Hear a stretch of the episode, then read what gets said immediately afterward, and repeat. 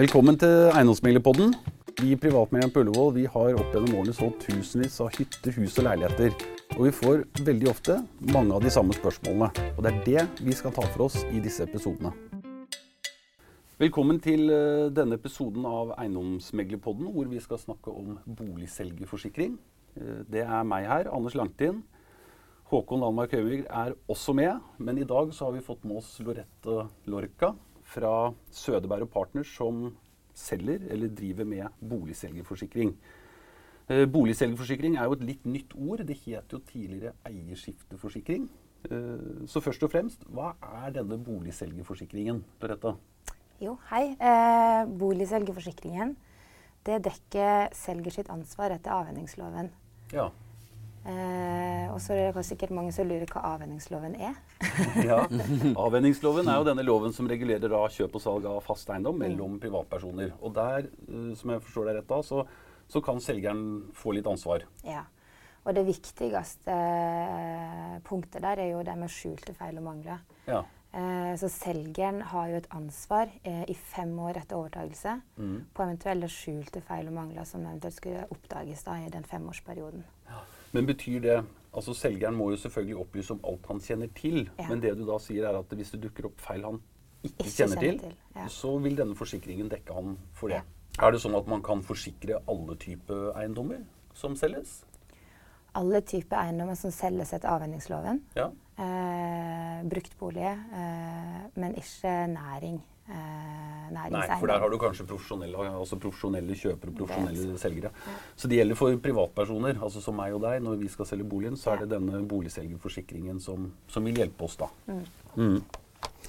Jeg tenker, Hva kan man lese i et eh, egenerklæringsskjema, som er det det kalles, som, som boligselger fyller ut? Altså Boligselger må jo fylle ut et egenerklæringsskjema eh, der man får mange spørsmål om eiendommen.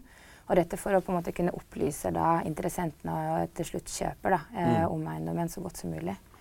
Eh, og der skal man jo være så ærlig som mulig eh, og, og opplyse om eh, alt det man vet om boligen. Eh, hvis det har vært f.eks. en skade som da har blitt eh, rettet opp i, og det ikke er noe problem siden sist, så er ikke man pliktig å opplyse om det. Men da vil man Unnskyld at jeg har blitt, men der, i de tilfellene så ville jo selgeren kanskje ha måttet krysse av for at jo, jeg har bygget et nytt bad, og så må man sette inn hvilket firma som bygde Ja. dette nye badet. Det er jo oppgradering og sånn, så må Ja. man jo opplyse om det, slik at man vet hvor gammelt badet er. Fordi et bad har jo en levetid, sant? Eh, så man vet, da veit man hvor, eh, hvor gammelt badet er, og vet hva man kan forvente av badet i løpet av de årene. Da. Men sånn som nå, da, hvor, hvor hva skal jeg si, folk flytter mer og mer. Mm. Det er, Du nevnte jo innledningsvis dette med, med fem år. Hvis jeg, har, hvis jeg ikke har bodd i boligen min i fem år, da, hva da? Da vet jeg jo ikke nødvendigvis fem år tilbake, på en måte. Men, men hva, hva skriver jeg da? Hvis du har bodd eh, altså, hvis du har bodd der i to-tre år, så har du jo likevel kjennskap til eiendommen. Ja. Eh, så du må jo likevel opplyse så godt som mulig i forhold til den botiden du har eh, hatt der. Ikke sant? Eh, men hvis det, la oss si at du har leid ut eiendommen din, da, mm. eh, og dermed veldig lite kjennskap til eiendommen, eh, så gjelder jo egentlig akkurat det samme der. Du må jo opplyse om det du vet, men det du ikke vet, må du på en måte også være klar og tydelig på at det her har ikke jeg kjennskap til. Da. For poenget med forsikringen er selvfølgelig å, å dekke eh, hva skal jeg si, kunden får, får et ansvar i ettertid.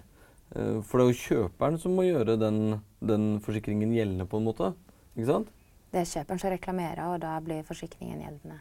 Hvis det var det du tenkte på. Hva skjer, hva skjer da hvis, eh, hvis du som kjøper da, har, har tatt over en bolig, og så tenker du det at Nei, men i alle dager, her er det noe gærent med den boligen.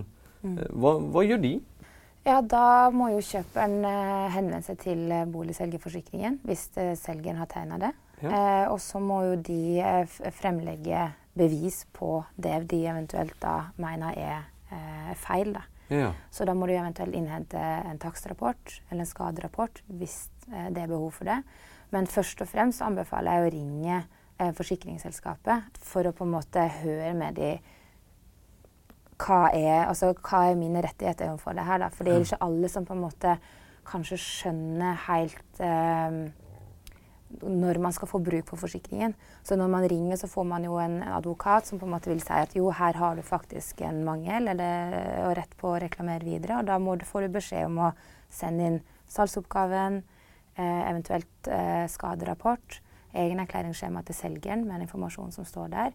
Og så tar de en vurdering av saken eh, hos skadeoppgjøret. skadeoppgjørselskapet. Dette er jo en forsikring som, som selgeren vil tegne ikke sant? for å forsikre seg mot dette ansvaret. Uh, så jeg, det, jeg, ser jo helt klart at det er en fordel for selgeren, uh, men jeg antar jo også at det er noen fordeler for kjøperen. Ja, det, uh, Fordelen for kjøperen er jo at du vet at det er en solvent part på andre siden.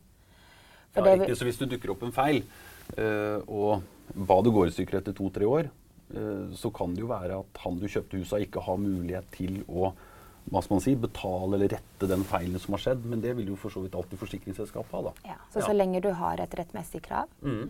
eh, så eh, er du i hvert fall sikker på at det, den andre siden da, eh, vil kunne betale. Ja. Men det er litt sånn spennende. Hva, hva, er det folk klager mest på? Det er vi nysgjerrige på å høre på. Det er vi ja. veldig nysgjerrige på. Veldig nysgjerrige på. Ja, altså Den siste toårsperioden så har jo skjeggkre opp på listene der. ja, disse, disse, små dyrene. De disse små, små dyrene. Ja. Det har jo heldigvis roa seg litt ned nå. så Folk har, har, egentlig lært litt mer om hva det her er for noe, og at det ikke er skadelig, og at man nå kan få bukt med det med, med, med gift osv. Så, videre. eh, så det er jo veldig bra. Men eh, i alt i alt så har jo altså Alt som på en måte har med vann å gjøre, da eh, Rera-listene.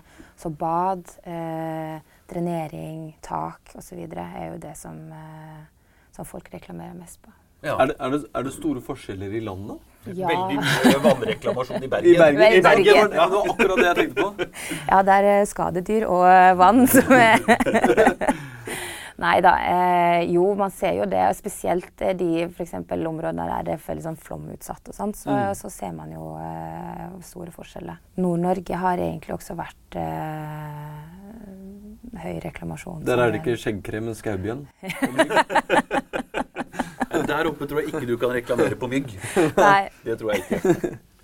Men, eh, men, jeg tenkte mm, la, la, oss si at jeg har kjøpt, kjøpt ny bolig. Og mm, så, så, gjør jeg ikke noe i den boligen. Jeg bare, jeg bare bor der de første to-tre årene. Og så, og så, begynner jeg å pusse opp litt. Og så har jeg sett for meg at jeg skal pusse opp eh, både et bad, og, og, jeg skal ta litt stue, osv. Eh, og så underveis i den prosessen så, så finner, jeg, finner, jeg, noe som jeg tenker at hm, dette var rart, dette var dumt.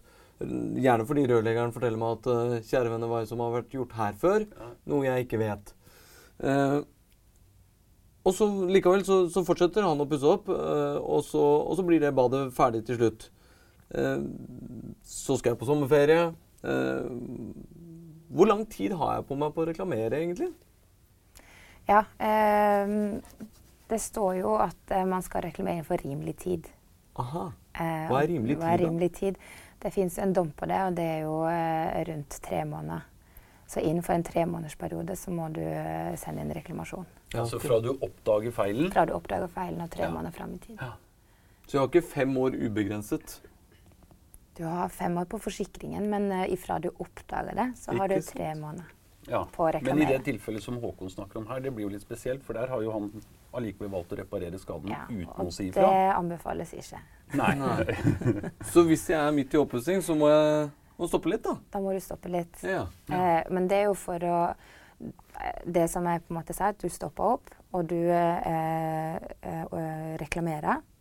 Og på en måte prøver å finne ut hva som er feilen. Mm. Og da får du eventuelt råd fra forsikringsselskapet. Eh, OK, men her kan du fortsette videre. Og så analyserer vi, og så kommer vi tilbake til på det. Eller så må de si stopp. Ja. Men, det, men det er uansett viktig at du melder den skaden og får den tilbakemeldingen, slik at du på en måte veit eh, hvordan skal jeg gå frem videre. Da. Hva er det morsomste folk har reklamert på? Det morsomste? Eller dummeste? Eller dummeste. jo, det var en som reklamerte fordi eh, det var en hakkespett som kom og hakka høl i veggen på huset.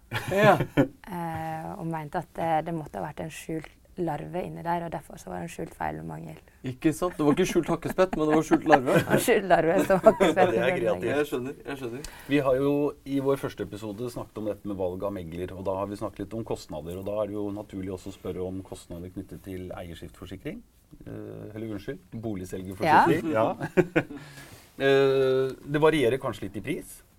Det Bare jeg tenker på forskjellige typer boliger. At mm. det er kanskje mye dyrere å tegne en forsikring på en enebolig enn f.eks. leilighet. Ja, det er det absolutt. På enebolig så ser man jo også at skadeprosenten er en del høyere. Spesielt dyrere, dyrere enebolig. Ja. Så her har man eh, har jo forsikringsselskapene sett på eh, risikoen. Og derfor så er det jo da forskjellige satser på eh, borettslagsleiligheter, Ja. seksjon Ja. og enebolig. Ja. Men hvis jeg har en leilighet i byen da, til si 6 millioner kroner i en selveid leilighet, som da koster det sånn cirka Ja, Da må jeg regne litt på det, men uh, det er ca.